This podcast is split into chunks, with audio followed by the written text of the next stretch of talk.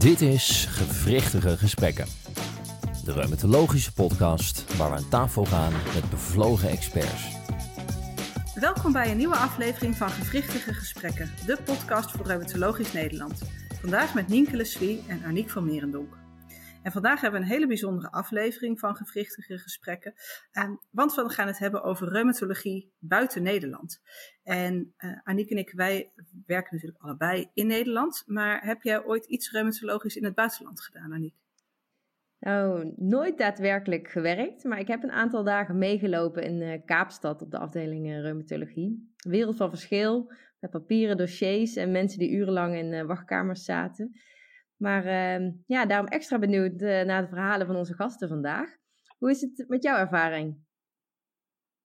Mijn ervaring is nog minder exotisch. Zweden heb ik mijn onderzoekstage ooit gedaan, maar dat leek erg op Nederland. Dus um, ik ben heel erg, ook heel erg benieuwd naar wat onze gasten te vertellen hebben over Suriname en Aruba, want daar gaat het over vandaag. En uh, we gaan van onze gasten horen hoe het is om daar te werken, uh, wat hetzelfde is als in Nederland, ook wat er anders is. En nou, allerlei dingen die wij waarschijnlijk helemaal nog niet weten. Um, en voor deze aflevering hebben we niet één, maar twee gasten. Die in ieder geval Suriname als overeenkomst hebben. Want één van onze gasten is er geboren en de ander werkt er nu als reumatoloog. Verder zijn ze ook allebei in ieder geval gedeeltelijk in Nijmegen opgeleid. En zijn ze direct aansluitend aan de opleiding naar het buitenland vertrokken om daar aan het werk te gaan. En al tijdens de opleiding uh, geneeskunde zat de liefde voor het buitenland erin, met uh, voor allebei commissiewerk voor de Internationale Geneeskundestudentenvereniging IFMSE. Na de opleiding heeft Rashidi Rellum zich vol overgave gestort op de reumatologische zorg op Aruba, waar hij medeoprichter is van de reumatologiekliniek in het Dr. Horatio E. Oduber Hospital, als ik het goed uitspreek, Rashidi. Uh, en ondertussen bestaat uh, de kliniek vijf jaar en is eigenlijk net het eerste jubileum achter de rug. Verder is bij ons aangeschoven Dineke Havenkort en zij is als jonge, jonge klare reumatoloog afgelopen zomer naar Suriname vertrokken om daar voor een jaar als vooralsnog bij ons weten enige reumatoloog van Suriname te werken. Welkom allebei. Dankjewel. Ja, dankjewel. En, en Rashidi, we zagen, uh, we hebben jullie cv van tevoren mogen lezen en we zagen dat naast de reumatologie je ook wat met water hebt, want we zagen allemaal dingen over zwemmen en, en reddingsbrigade en zweminstructeur. Um, dus we vroegen ons af, doe je dat nou nog steeds op Aruba? Want er is in ieder geval water genoeg. Ja, er is uh, meer dan genoeg water, heel mooi water, mooie stranden. En uh, ik ben er nog steeds mee bezig. Het is uh, mijn tweede natuur. Dus ik uh, ben bijna, elke, ja, bijna elk weekend in de zee open water zwemmen aan het doen. En er zijn ook van die hele mooie evenementen, open water evenementen om aan deel te nemen. Dus het is een hele leuke bezigheid, een hele goede manier om ja, lekker in balans te komen. En, en Dineke, bij jou zagen we geen watersporten staan. Uh, wel wielrennen en tennis. Is dat nog een beetje te doen in Suriname? Um, nou, het wielrennen is wel lastig. Hoewel er, er wordt wel gewielrend. Maar het is, um, het is echt heel erg heet. Dus dan moet je eigenlijk, of als het nog donker is, gaan. Of als het weer bijna donker wordt. Want anders verbrand je denk ik levend. En uh, de fietspaden lenen zich er ook niet echt voor, want die bestaan niet. Uh, maar tennissen kan zeker, ja. Ja ook dat wel een beetje warm. Want net voordat de opname begon, hadden we het met jou over. Jij hebt het 35 graden uh, op dit moment. Ja. En het klinkt erg warm. De... Rashidi, is het bij jou ook zo warm? Ja, ja alleen de, de beleving is anders. Suriname is heel vochtig weer. En hier op Aruba is het eigenlijk ook vochtig, maar omdat er heel veel wind staat, dan voelt het heel droog aan. Dus je hebt door die droogte minder last van die hitte, maar het kan ook wel heet zijn, uh, zeker rond 1 uur. Uh, nou, zitten wij hier met uh, 10 graden of iets dergelijks in de winter. nou, voor uh, genoeg over sporten en dat soort dingen. Voordat we gaan hebben over wat, wat het werk precies inhoudt, zijn we eigenlijk vooral ook benieuwd hoe jullie nou ja, terecht zijn gekomen op Aruba en in Suriname. En um, Rashidi, we zagen op jouw cv, je bent geboren in Suriname, hebt hier in Nederland de opleiding gedaan. Uh, en toen daarna eigenlijk direct op Aruba gaan werken. Hoe ben je daar zo terecht gekomen? Nou, ik was tijdens mijn opleiding uh, tot reumatoloog in mijn interne fase al bezig om te oriënteren hoe het is in Suriname, want ik zou daar heel graag willen gaan werken als reumatoloog na mijn opleiding. Maar de economische situatie werd alleen maar slechter. En op een gegeven moment was er een congres, de DAS-kliniek, een Dutch Antillian South American kliniek, dat vanuit Suriname georganiseerd werd. Maar ik ontdekte dat het dat jaar 2016 op Aruba georganiseerd werd. Dus ik ben uit interesse daar naartoe geweest om te kijken van oké, dit is een congres wat eigenlijk de reumatologie vooral inhoudt. En de voortrekker, de oprichter hiervan is Richard van Vught vanuit het VUMEDI Centrum. Dus ik dacht van nou, ik moet bij die mensen zijn om te horen hoe de reumatologie in de regio is. Dus met die intentie ben ik daar naartoe gegaan. En toen kwam ik uh, ja, collega's tegen, dus Richard van Vught, maar ook lokale collega's die met reumatologie zouden bezig zijn, om te ontdekken dat zij een vacature hebben voor een reumatoloog toen de tijd. Dus eigenlijk is het het balletje zo gaan rollen, waarbij de economische toestand in Suriname het echt niet toeliet om als jonge klare daar iets uh, op te zetten. Uh, dan ja, heb ik ervoor gekozen om uh, op Aruba te beginnen met de insteek bij dicht bij huis, dichtbij van Suriname. En um, ja, wat het voordeel van Aruba is, um, economisch zijn ze sterk en je kunt ja, um, doen wat je wil. In die zin van binnen je de zorg wat je wil opzetten. Uh, en ja, en dat is tot nu toe gelukt met hulp van de Sint Maartenskliniek in Nijmegen. En ik heb ook aan het begin veel steun gehad aan uh, Jende van Zeben, mijn opleider toen de tijd. En ook uh, professor Frank van den Hogen en ook uh, Radboud Tolheen hebben me geholpen om ja, dit traject te kunnen doen destijds. En ja, mede dankzij hun ook is het voor elkaar gekomen. Ja, en, en, hoe gaaf dat je dan gewoon nu vijf jaar na dato volgens mij een heel goed lopende reumatologie kliniek hebt op Aruba. En Dineke, ik weet omdat we natuurlijk samen de opleiding hebben gedaan dat jij een, ook een grote voorliefde hebt voor Afrika. En uiteindelijk ben je uh, dan toch als reumatoloog in Suriname terechtgekomen. Hoe is dat bij jou zo uh, gekomen? Ja, nou, ik, uh, ik ben er inderdaad wel. Ik heb in de laatste twee jaar van de opleiding me echt gericht op, um, op de reumazorg in Tanzania, inderdaad. Daar ook heen gegaan om te kijken of dat kans van slagen had. Um, maar ja, de situatie qua zorg in Suriname is is heel matig op dit moment. Maar in Tanzania was het echt nog wel een stuk erger. Waarbij um, ik denk dat het land nog niet echt klaar was voor het vakgebied de reumatologie. En zeker qua behandelopties en diagnostiek was het heel erg beperkt. Um, en eigenlijk kwam ook via Richard van Vught, uh, die Rashidi net al noemde, en Irene van der Horst uit het Radboud, um, uh, dit op het pad om dit te gaan doen. Um, waarbij ik inderdaad begreep dat er in Suriname nog geen reumatoloog werkte. Wel komt er al um, meer dan tien jaar uh, Evert-Jan een aantal weken per jaar hier poli doen in een van de andere ziekenhuizen. Maar er is nooit een vaste reumatoloog nog geweest. En toen dacht ik, ja, uh, daar is het ook lekker warm. Uh, laat ik dan maar naar Suriname gaan. En uh, ja, een hele goede keuze. Ja. Ja, en, en Rashidi noemde net ook al van dat de economische situatie in, in Suriname niet zo heel erg goed is. En dat het voor, voor hem toen niet, hè, dan geen optie was om daar naartoe te gaan. Wat, hoe heb jij dat dan gedaan? Want jij bent ook jonge, klare reumatoloog.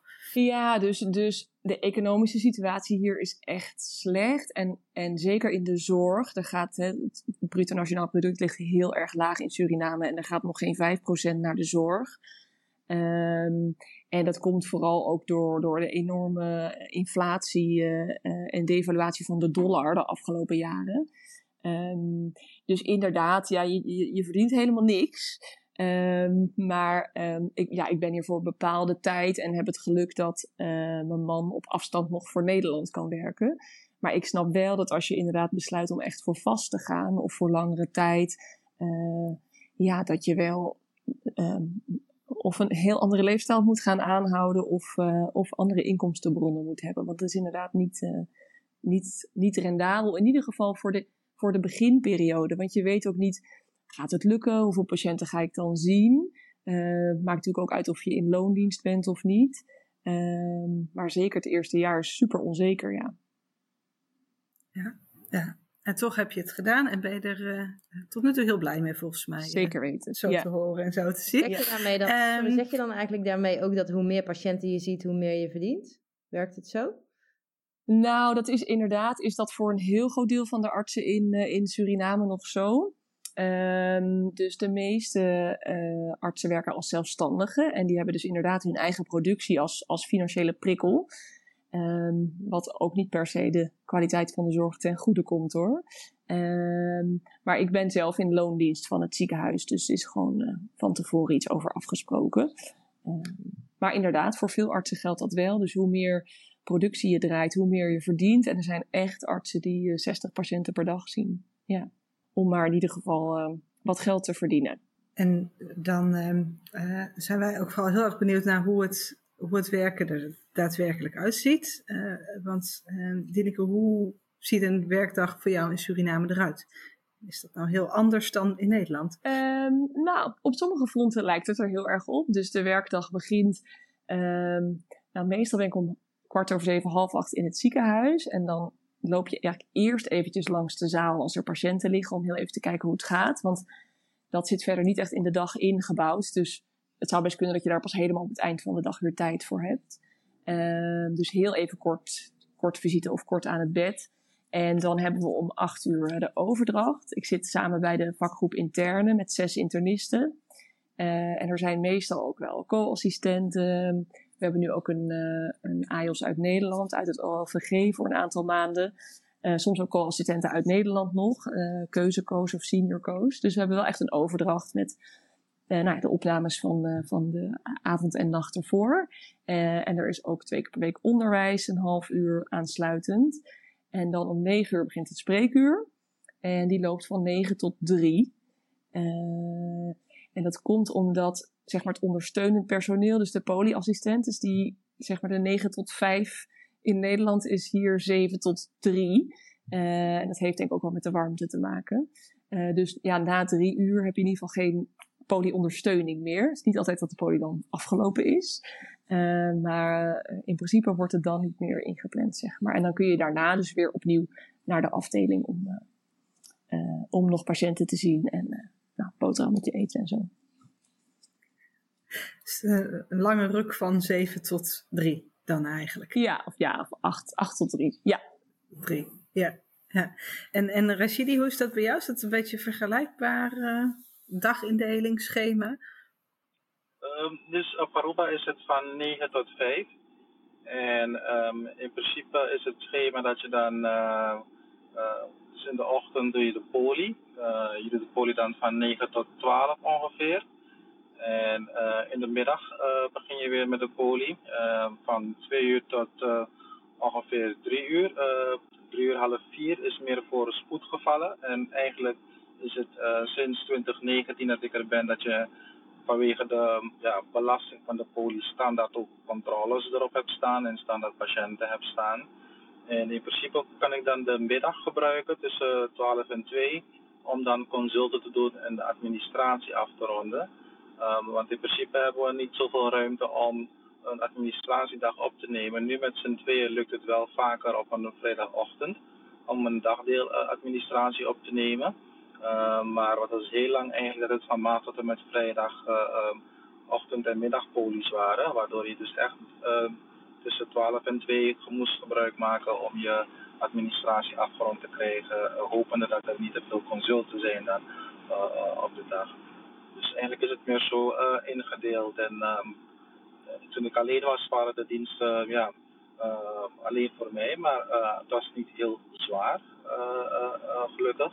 En nu met z'n tweeën verdelen we dat qua bereikbaarheid. Ja, want je hebt dus inmiddels een collega, begrijpen we. Ja, ja sinds januari 2022 samen met z'n tweeën. En ja, dat loopt heel goed. Dat is Jessica Panis. Ook ne een Nederlandse. Ja. Ja. Hoeveel, um... het, het, klinkt alsof, alsof er aan patiënten geen gebrek is. Uh, zeker niet. Uh, zeker niet. Uh, we hebben dus ehm, sowieso eh, meer dan genoeg patiënten. Door haar komst is mijn wachttijd van zes maanden nu helemaal gestabiliseerd. We kunnen spoedgevallen heel makkelijk zien. Ik zag ook spoedgevallen al die tijd ook gewoon door, maar de stapel verwijsbrieven was, was gestegen naar 250 mensen die überhaupt nog gezien moesten worden. Uh, dus die wachtlijst is uh, afgerond. Uh, dus we zitten nu helemaal on, on track op pad met z'n tweeën. Ik kan me ook voorstellen als er eerder geen reumatologische zorg was, dat er gewoon in die beginjaren gewoon een, een hele grote patiëntenlood is. En wat je zegt, dat zich dat nu dan stabiliseert. Ja, en um, patiënten die nog nooit gezien waren. ja, en ik heb het idee dat Dieneke nu in die fase zit. Maar moet ze zelf zeggen hoor. Uh, ik heb namelijk vooral in de eerste twee jaar uh, was het dat je niet alleen maar uh, je directe collega medisch specialist moest wennen. Aan van oké, maar wat moeten we nou met een reumatoloog? Um, wat zijn de grenzen van de reumatologie?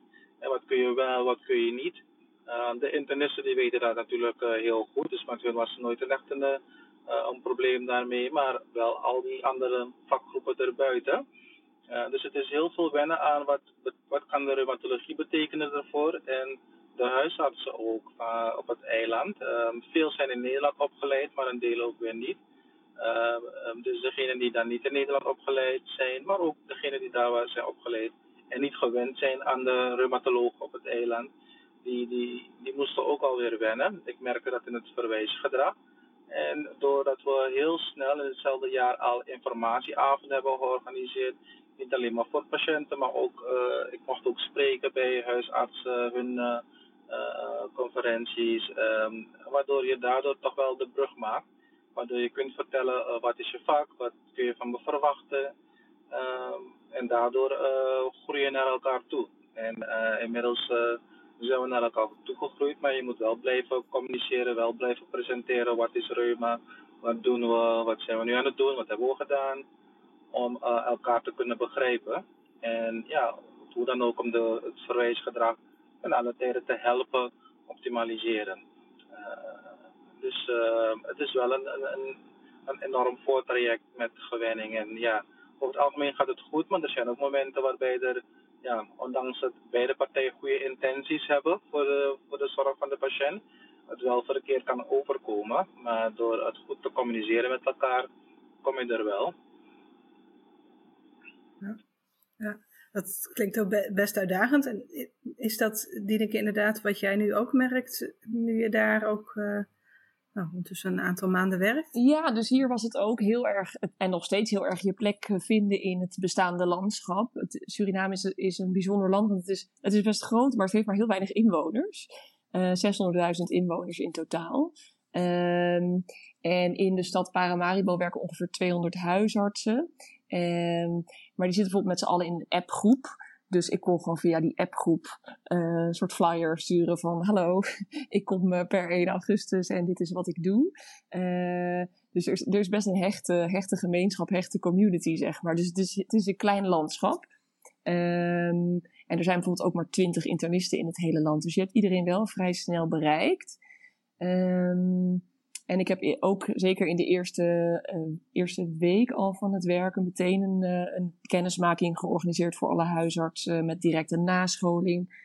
En waarbij je inderdaad erachter komt dat ja, heel veel huisartsen toch relatief slecht weten wat reumatologie is.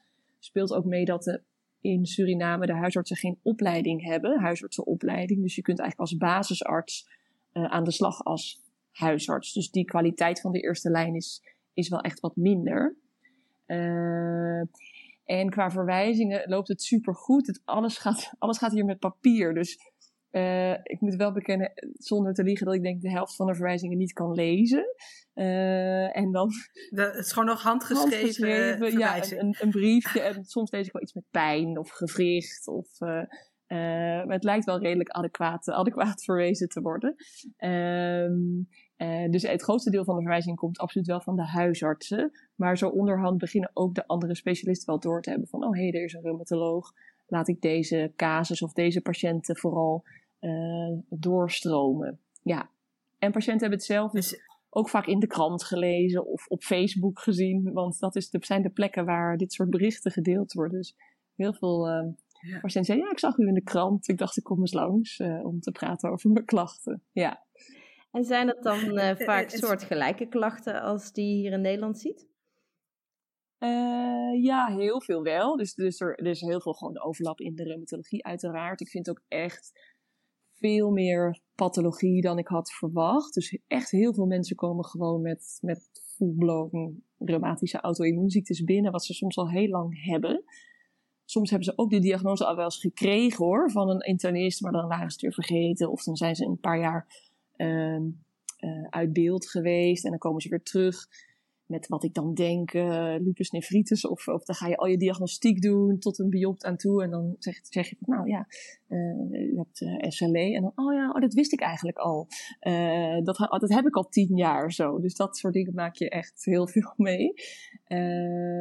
Maar de mensen komen uiteraard met dezelfde soort klachten. Dus met ja, de klachten die we allemaal in de spreekkamer kennen. En, en eh, hoe is dat voor jou, Rashidi? Is, is, is het qua populatie heel anders dan wat je in Nederland vanuit de opleiding gewend was? Uh, voor ik antwoord geef op die vraag. In 2019 was er wel een opleiding tot de huisartsengeneeskunde uh, in Suriname. Ik weet alleen helemaal niet wat de status nu ervan is, maar er was in 2019 wel eentje. Uh, als ik die is er niet meer dan in ieder geval. Kijk, dan is dat het. Uh, als ik kijk naar de populatie hier, Um, je ziet wel andere beelden, echt hele ernstige ja, auto-immuunpathologie. Veel uh, patiënten vind ik gemiddeld gezien met auto-immuun betrokkenheid van het cerebrovasculair en perifere zenuwuitvalsverschijnsels. Ik heb echt wel een aantal casussen die ik samen moet doen met de neurologen. Um, naar mijn gevoel myocitide zie je best wel vaak, vind ik. Wat is vaak? Nou, we hebben nu misschien uh, dus tussen de 6 en de 7 of misschien net krap 8 casussen met een uh, myositis, waarbij we op een gegeven moment wel in een half jaar tijd twee nieuwe gevallen hadden gehad. Uh, ik weet niet qua incidentie om het te vergelijken hoor, uh, met uh, Europa, als het veel is of niet. Maar uh, dat, dat viel me op. Wat opvalt is wat er niet is. En wat er dus heel, nog niet is, wat er heel weinig voorkomt, is wat opvalt, dat is polymyalgia rheumatica. Nou, in, in Nederland dus, zie je dat echt elke week wel. Uh, en hier komt het ja. praktisch bijna niet voor. Je kunt het echt op één hand tellen. Je hele praktijk kan je op één hand tellen. Uh, en dan komen er wel twijfels van, oké, okay, hoe, hoe, vaak of hoe snel moet je dan aan activitis temporalis denken? Ik heb er wel drie casussen met activitis temporalis. Uh, uh, waarvan in ieder geval twee PA bewezen zijn en één PA niet conclusief. En daarnaast de bijzonder vind aan jicht, dat de patiënten gemiddeld genomen ja, mannen zijn. tussen, dus die ik op de politie, hè, niet de huisarts geneeskunde. Mannen tussen de, rond de 30, 30, 40 obese, vaak ook diabetes erbij. En dan hebben ze echt extreme tofie en heel moeilijk te behandelen jicht. Kan zeker ook compliance probleem zijn.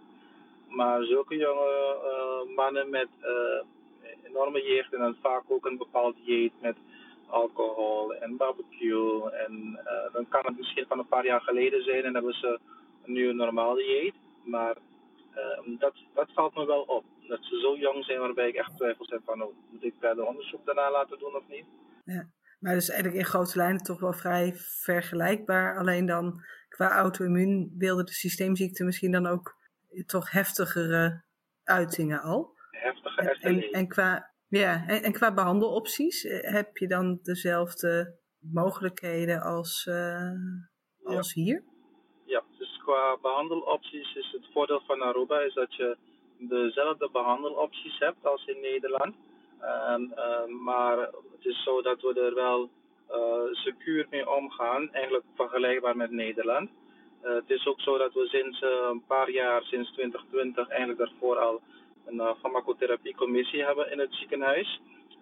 De, de, initiële, de initiële reden daarvoor was om dure geneesmiddelengebruik te beheren wat betreft kwaliteit, kosteffectiviteit en dat soort dingen. En, en van daaruit hebben we ook bijvoorbeeld um, preferentiebeleid, prefer, preventiebeleid, zeg, preferentiebeleid voor biologicals bij bijvoorbeeld rheumatoïde artritis, artritis uh, psoriatica zijn we nu mee bezig. Psoriasis is inmiddels geregeld. Dus dat is wel een beetje de insteek om er wel um, secuur mee om te gaan, wel met beleid om te gaan. En dat niet omdat we toegang hebben tot allebei logicals, betekent dat we ze door elkaar heen kunnen gebruiken. dat, dat doen wij dan niet. we doen het wel zoals we dat gewend zijn. Ja. Het moet voor jou heel anders zijn, denk ik, Ineke. Ja. Zeker, zeker.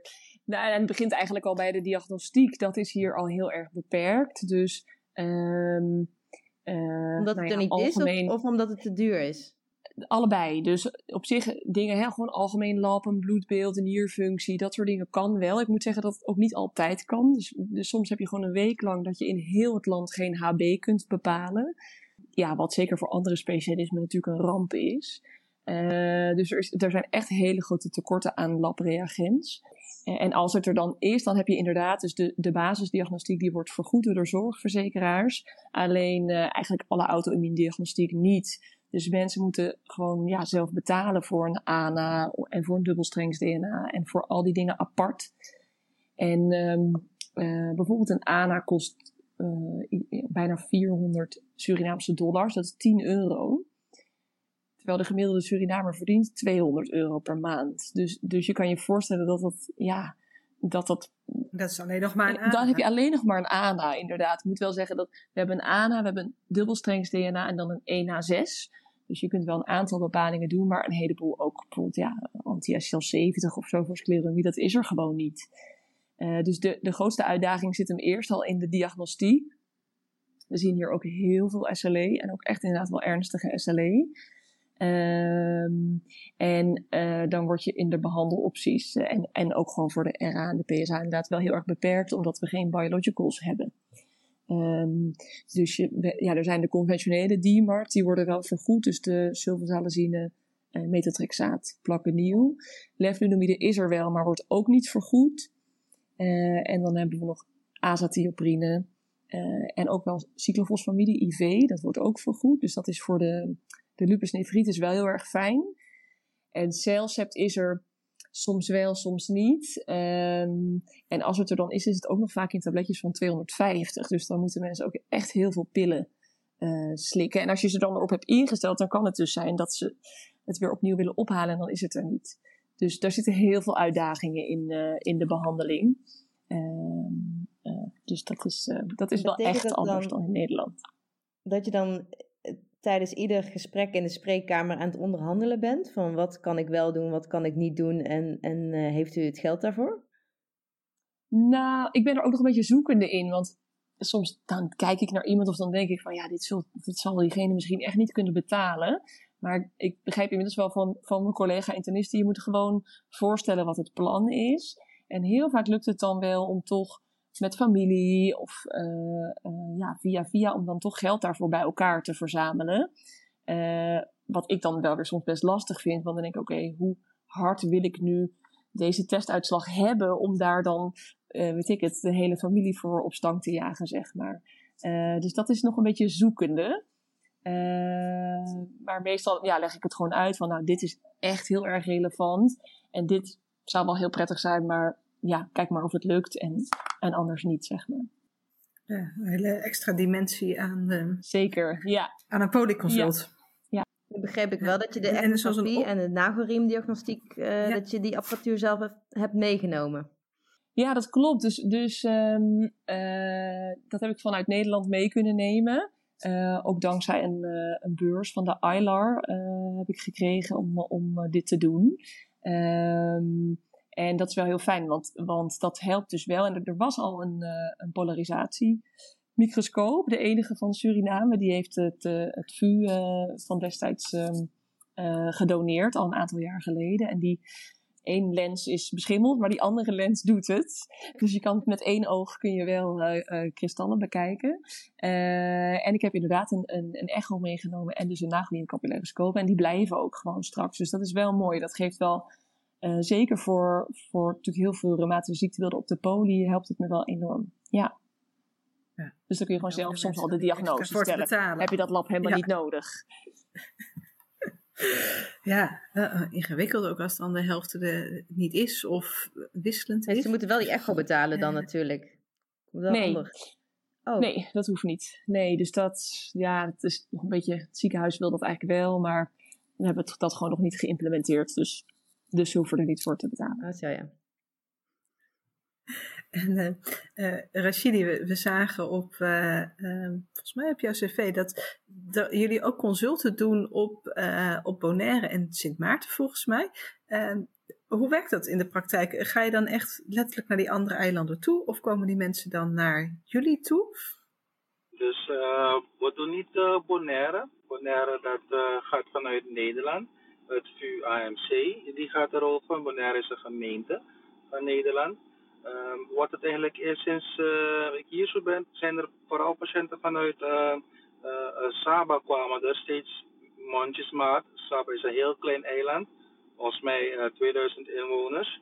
En langzamerhand begonnen er steeds mensen te komen vanuit Saba. Dus ik heb een bepaalde chronische groep nu vanuit Saba, die vanuit Saba toe reist naar Aruba. En dat is een reis vanuit Saba naar Sint Maarten, van Sint Maarten uit naar Curaçao en dan vanuit Curaçao reizen ze naar Aruba uh, voor hun uh, controles. En het is nu zover dat we nu hier op Aruba, dat ik bezig ben om uh, met Sint Maarten, het eiland van Sint Maarten, een constructief plan op te zetten. Om op reguliere basis daar reumatologiezorg te doen.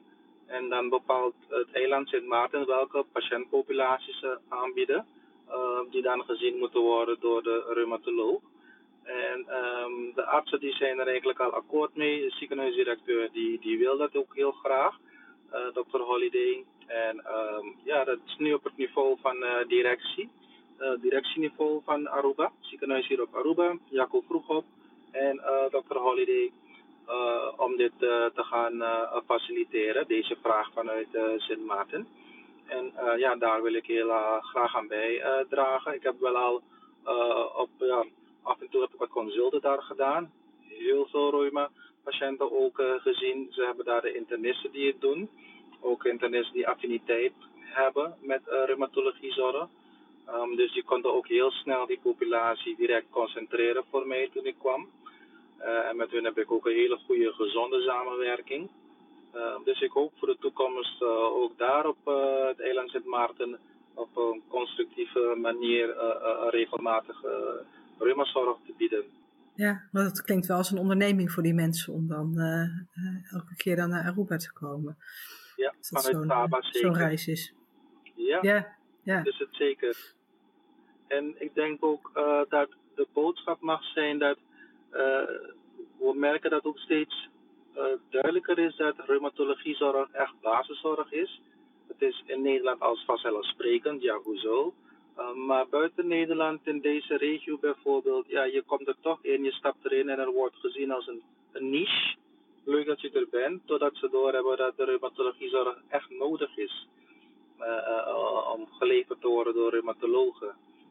Dus ja, het is een knop die omgezet moet worden dat we in ieder geval in het Koninkrijk der Nederlanden en voor Suriname, er is echt basiszorg, reumatologie is hard nodig. Dat uh, blijkt wel tot nu toe uit jullie uh, verhalen. Quick for. We, we, gaan even een kort intermezzo doen met een heel ander type vragen. En daarna willen we vooral nog wat weten hoe jullie het vinden om daar te werken. Um, Dieneke, wat is je grote passie? Oeh. Um, nou, reizen in ieder geval. uh, dus dat, uh, dat heb ik mijn hele leven heel leuk gevonden om te doen. Um, ja, uh, nu ik moeder ben, moeder ben uiteraard ook mijn eigen gezin, mijn kinderen. Um, en ik, ja, ik haal ook heel veel vreugde en levensplezier uit een, uit een hele leuke, fijne vriendengroep in Nijmegen. Waarmee we ja, heel veel samen doen. Feestjes, festivals, maar ook op vakantie gaan. Dus misschien zijn mijn sociale contacten wel mijn passie, als dat kan. Zeker, ja. Rashidi, wat zou jij doen als je geen reumatoloog was geworden? Ja, oh, dat is een goede vraag. Uh, ik zou uh, sowieso elke dag in de zee zwemmen. Ik zou heel graag een, een soort van exotisch, exotisch hotel willen hebben. ergens aan het strand of zo. ergens in de tropische Suriname hotel willen hebben en gewoon genieten van het leven. Leuke optredens organiseren met allerlei goede lokale artiesten met lokaal eten en, en plezier. ja, dat is mijn ideaal beeldje. En ja, ik zou ook wel een beetje reumatologie willen blijven doen hoor. dat vind ik ook echt leuk. Wat goed, nou genoeg ideeën in ieder geval. En uh, Dineke, als je jezelf op de eerste dag van de opleiding tot reumatoloog een advies zou kunnen geven, wat zou je dan aan jezelf hebben gezegd? Oh jeetje. Uh, het voelt nog niet zo gek lang geleden, de eerste dag van de opleiding. Uh, misschien moet je het over tien jaar nog een keer vragen. Uh, nou, ik weet niet. Uh, geniet ervan en het komt wel goed. Ik kon inderdaad wel af en toe een beetje onzeker zijn tijdens de opleiding. Van, kan ik dit wel? Of ga ik, ooit echt, ga ik dan ooit echt zo'n echte reumatoloog worden? en nou, het is toch gebeurd. Dus misschien iets, iets wat zekerheid had ik mezelf dan willen geven aan het begin. Ja. Rashidi, wat is voor jou de belangrijkste verandering binnen de reumatologie binnen je carrière? Al heb jij natuurlijk oh, binnen je carrière een hele hoop veranderingen meegemaakt, maar... Ja. Um, wat de belangrijkste verandering, die stap om naar de regio te komen was uh, voor mij een grote stap. Uh, ik was toen ja, de enige in de regio, niet dat alles op mijn schouders lag of zo. Maar ik ben zo blij dat er nu veel meer reumatologen in de regio zijn. Uh, en op hun manier invulling geven, op hun manier de polies opzetten, de zorg uitbreiden. Ik ben uh, zo blij met het werk wat Dieneke aan het doen is in Suriname. Ze doet echt fantastisch goed werk daar. Ik ben blij met mijn collega uh, Jessica van Nies hier op Aruba. Ze doet ook heel goed werk. En we hebben ook Ginaila Kotzebue op Curaçao inmiddels als enige reumatoloog. Ze het ook stervensdruk daar. Dus ik ben zo mooi met de influx dat de reumatologen hier naartoe komen. Er is werk zat. Uh, um, dus ja, ik hoop dat die ontwikkeling zo door blijft gaan en dat het alleen maar um, meer reumatologen komen, want er is meer dan genoeg zorg in. Ja, nou mooi gezegd ik wil ook echt zeggen dat ik het super stoer van jullie vind. Dat jullie zo in je eentje niet voor de makkelijkste weg kiezen, zo in het buitenland. Veel uitdagingen op jullie pad sowieso gekregen. Wij vragen ons dan ook nog wel af van. Um, um, ja, je, bent daar toch alleen aan het werk. zijn er collega's met wie je dan kan overleggen? Hoe pak je dat aan als je het even niet meer weet? Hoe is die omgang met de collega's? Of, of of wacht je dan een overlegje met collega's in Nederland? Misschien, Dienke, kan jij daar als eerste antwoord op geven? Ja, ja, ik zit dus in een, in een team met de zes internisten. En dat is gewoon een hele makkelijke eerste stap om iets te overleggen. Uh, nou ja, als, als, ik iets niet zou weten waarvan ik denk dat zij dat wel weten. Uh, en ik leg ook zeker nog wel eens een lijntje met, met Nederland, met de opleidingsregio, met de reumatologen daar, met soms een, een inhoudelijke vraag van hoe zou ik dit het beste kunnen aanpakken. Um, en wat heel leuk is, is dat we iedere week, dus met Rashidi, Jessica en Ginaila, dus Aruba, Curaçao, Suriname, hebben we iedere week een, uh, een overleg op donderdagmiddag, digitaal. Uh, dat is hartstikke leuk. Dus dan, dan uh, kunnen we daar eigenlijk ook de casus inbrengen die we willen bespreken. Wauw, jullie hebben eigenlijk dus gewoon jullie lokale polybespreking online. Precies, ja, exact. Ja, en we proberen het ook echt wel uh, dus inderdaad vooral patiënten, casuïstiek, maar oh, soms ook wat onderwijs of zo. Dus het is wel een heel leuk moment om, uh, uh, ook om zeker om even wat collega's in, in, je eigen vak te spreken. maar daar kan je ook um, dus makkelijk iets bespreken. En we zitten dan ook met z'n allen in een app. Dus als het dan toevallig op een andere dag is en je denkt, oh ik wil echt nu iets weten, dan, dan bellen we elkaar gewoon. Dus dat is wel, um, dat is fijn. Ja, is het anders voor jou, Rashidi? Ja, dus die polybesprekingen ben ik ook echt uh, heel blij mee. Uh, we kunnen echt ons ei kwijt daar. Ehm, en in het begin had ik heel veel hulp gekregen ook van Sylvana Kadir. Ik kon haar echt altijd wel bellen, reumatoloog en Sematisch kliniek. dus ik heb heel veel aan haar hulp ook gehad. En in principe als er wat is op bepaalde casuïstiek, dan uh, ben ik makkelijker geneigd om met het Radboud uh, contact op te nemen. Afdeling reumatologie met Roofdoel Turlings daar bijvoorbeeld. of de andere collega's van het Radboud om bepaalde casuïstiek te bespreken. En indien nodig bijvoorbeeld de immunologiecasussen waarbij ik niet uitkom, kan ik ook altijd makkelijk bijvoorbeeld met het Erasmus MC overleggen. En mijn collega Jessica van Nies, die overlegt heel laagdrempelig met bijvoorbeeld de LUMC waar ze vandaan komt.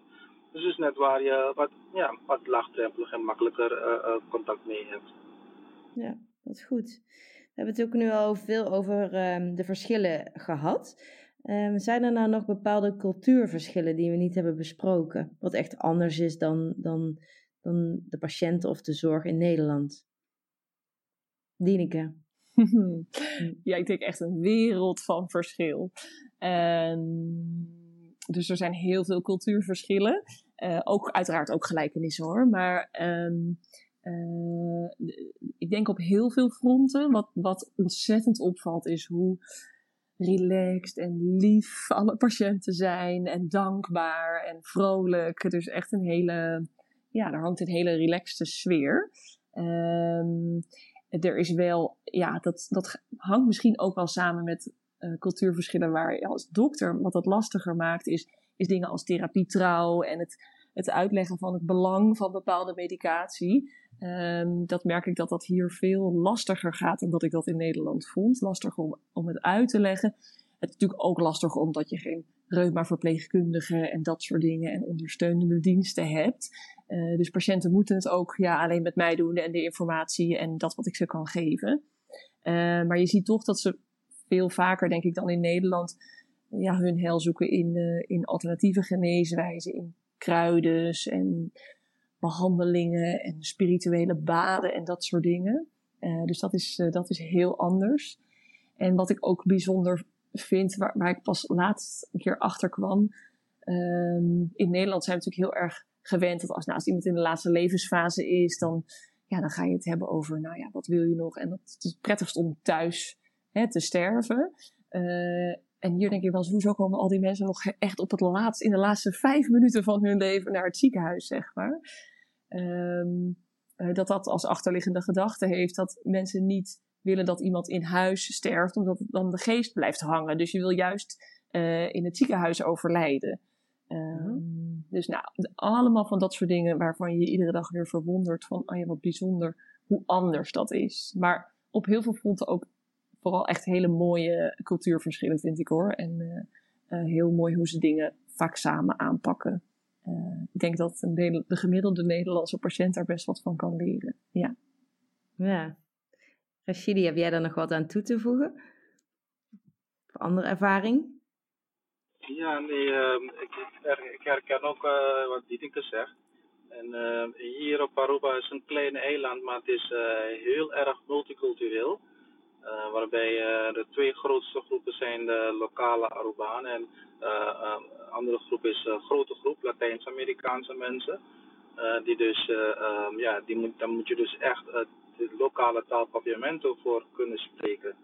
Niet alleen maar om de Latijns-Amerikaanse mensen te kunnen begrijpen, dat zij begrijpen, uh, maar voor de lokale Arubanen en vooral de, de senioren Arubanen uh, moet je wel ook echt Papiament spreken. Wil je hebben dat de mensen zich openstellen eh, naar jou toe als dokter en zich ja, vrij voelen om echt te zeggen wat ze willen zeggen. En naarmate ik de taal beter beheers, merk je dat ze zich steeds meer openstelden en ook kritische vragen. En dan heb je eigenlijk gewoon ja, een patiënt uit Nederland voor je die kritische vragen stelt, maar dat is de Narubaan hè, in hun taal. Dus naarmate je de taal eh, beheerst, krijg je veel meer terechte, kritische, goede vragen van de lokale mensen. En dus uh, daar zit ook heel veel werk in voor de dokter zelf om de taal te beheersen. En voor de rest is er een grote invloed vanuit Colombia hier op de regio. die dus heel erg bezig zijn met medisch toerisme. Ik heb dat minder in Nederland meegemaakt, medisch toerisme. Maar hier is het wel echt een, echt een hype vanuit Colombia. Die biedt hele mooie behandelingen aan. Mensen die worden in de watten gelegd. Dus de beleving van de mensen is vaak tien keer beter, omdat ze altijd wel heel makkelijk in een soort zorgpad terechtkomen. Waarbij ze in, uh, in mijn mening en ook een deel van mijn collega's overdiagnostiek krijgen. En we helaas niet altijd heel mooi kort en krachtig een conclusie terugkrijgen vanuit Colombia. Uh, dus uh, ja, daar hebben we vaak op de poli lange gesprekken met patiënten over. want wij doen echt de manier zoals het in Nederland aan toe gaat. Zo leveren we de zorg hier op Aruba. Wat bij mij trouwens nog wel opvalt, is dat wat het wel heel erg lastig maakt, is dat heel veel Surinamers uh, natuurlijk familie hebben in Nederland, of zelf misschien ook in Nederland hebben gewoond en weten hoe de, de zorgsituatie in Nederland is. Uh, en dan geeft het wel, als je dat gaat vergelijken met hier, geeft dat bij veel mensen wel echt veel frustratie en, uh, en ook wel een beetje ongeloof van hoe die verschillen dan zo groot kunnen zijn. Uh, dus daar, daar heeft de zorg hier ook wel last van. Dat, dat ja, veel mensen weten hoe het ook anders kan. Ja, onvrede. Ja. ja. Hm. En zijn er dan misschien wel nog dingen die Nederlandse reumatologen of artsen kunnen leren van de zorg op uh, Aruba of Suriname? Rashidi, heb jij misschien uh, ideeën wat wij misschien kunnen meenemen? Um, ja, wat zouden we kunnen meenemen? Ja, ik denk dat het wel belangrijk is dat er ook wel eens wordt stilgestaan bij het feit hoe goed het niet georganiseerd is in Nederland. Dat er, uh, in mijn mening hoor, uh, best heel veel als vanzelfsprekend wordt gezien. Maar dus echt veel is goed geregeld. Um, wat zouden ze kunnen leren? Ik denk dat ook Nederland, als ik kijk naar de Randstad, te maken heeft met een multiculturele samenleving. ik zeg niet dat je als arts alle talen moet gaan leren. Maar um, um, ik praat gewoon algemeen. Niet als een patiënt bijvoorbeeld de Nederlandse taal niet beheerst, betekent dat ze niet slim zijn. Want ik heb het hier echt, ik heb het nooit gedacht, maar ik heb het echt wel geleerd dat hoe beter ik hun taal sprak, hoe kritischer die vragen werden. En nou moest ik weer beter die taal leren om ook die vragen te kunnen begrijpen en hun antwoord te kunnen geven. Dus het multiculturele, um, ik denk dat dat wel um, op een bepaalde manier uh, wat meer aandacht mag krijgen van hoe ga je om als arts daarmee. Uh, want de samenleving in Nederland in, is anders dan hier op Aruba. Uh, ik denk dat dat wel belangrijk is. En ja, verder is het zo dat ja, gewoon zo doorgaan. Want Nederland doet het heel goed op het gebied van reumatologie. Jullie zijn gewoon top van de top ja, dat moeten we ons misschien af en toe iets meer beseffen en niet zo klagen af en toe misschien. Ik zie Dineke een beetje lachen. nee, ik zat te denken aan dat we natuurlijk in Nederland ook, we doen wel heel veel uh, met alle congressen en zo. Je bent wel Europees en ook, maar het, het, is inderdaad wel allemaal nog steeds echt top of the bill. Uh, reumatologie in, in de EU en dan de ACR in Amerika. Maar er, er zitten enorme nog continenten bij. Uh, waar het totaal anders is. Dus voor meer dan de helft van de bevolking eigenlijk in de wereld. En dat is inderdaad goed om af en toe even bij stil te staan, denk ik. Ja. En, en wat neem jij straks mee, Dienek? Want jij, jij blijft niet, uh, tenminste voor zover wij het weten, voor altijd in Suriname werken.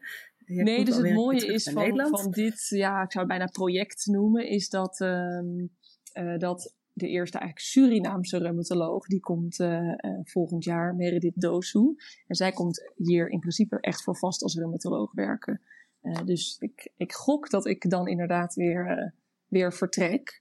Um, ja, wat neem ik mee? Ja, gewoon de, de openheid waarmee je misschien niet per se geneeskundig gezien of in het ziekenhuis, maar dat heerlijke elkaar aanspreken of niet zo gefocust op jezelf, op je telefoon, in de trein, uh, maar ja, met open ogen uh, naar iemand anders kijken en een gesprek aangaan. En dat er hele leuke dingen uit kunnen ontstaan. Dat is denk ik wel iets wat je uit, uit de samenleving hier oppikt en wat ik heel erg hoop uh, vast te kunnen houden. Zal lastig worden, denk ik, maar ja, nou, dat is wel iets wat ik hoop mee te nemen.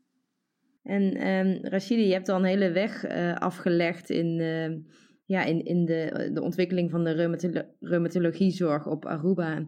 Wat is daarin eigenlijk je grootste leerpunt tot nu toe geweest?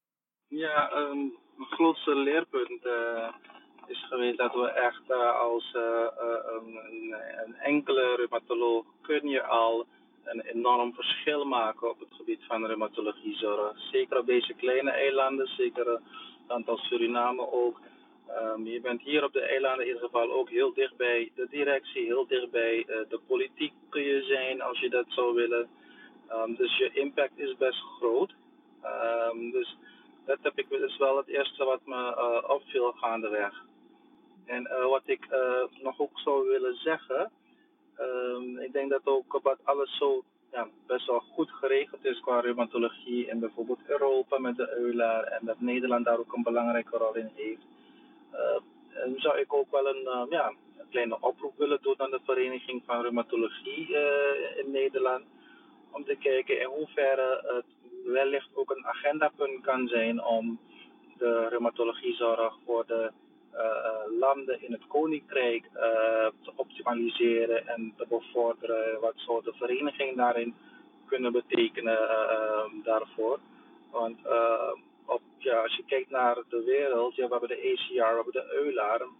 Maar er, wat Dietinka al zei, heel veel plekken is er gewoon heel weinig geen reumazorg. En als het er is, is het niet toegankelijk voor een ieder. En uh, wellicht dat dat ook een agendapunt kan worden van een vereniging reumatologen. Van hoe kunnen we uh, degenen die het niet hebben, uh, de zorg toegankelijk te maken voor degenen. kunnen we misschien klein in het koninkrijk beginnen.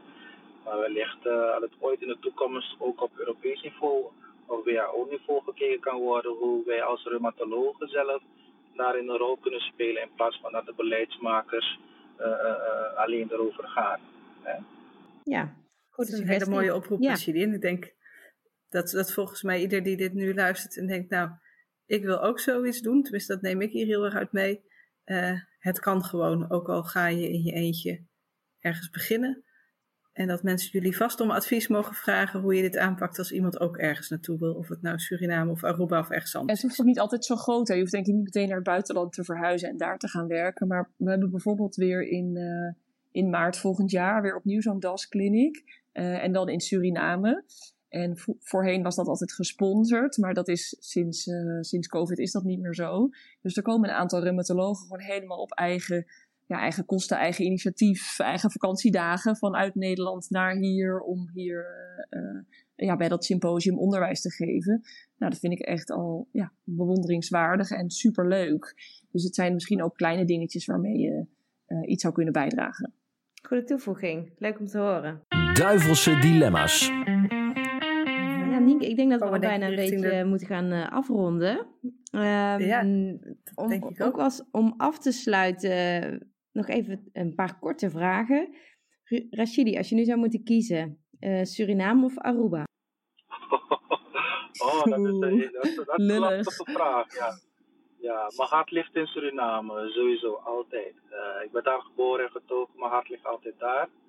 En uh, ja, ik ben nu niet bij macht uh, qua mijn persoonlijke situatie om nu daar naartoe te gaan, om daar te gaan vestigen als het zo was, had ik het gelijk gedaan. Maar het is wel een vraag die vanaf dag 1 en met heel veel overwegingen um, speelt. En de reden waarom ik op Aruba ben is omdat ik denk zoiets van als ik dicht bij huis ja, een goede kliniek kan opzetten met mijn collega's nu ook nog erbij.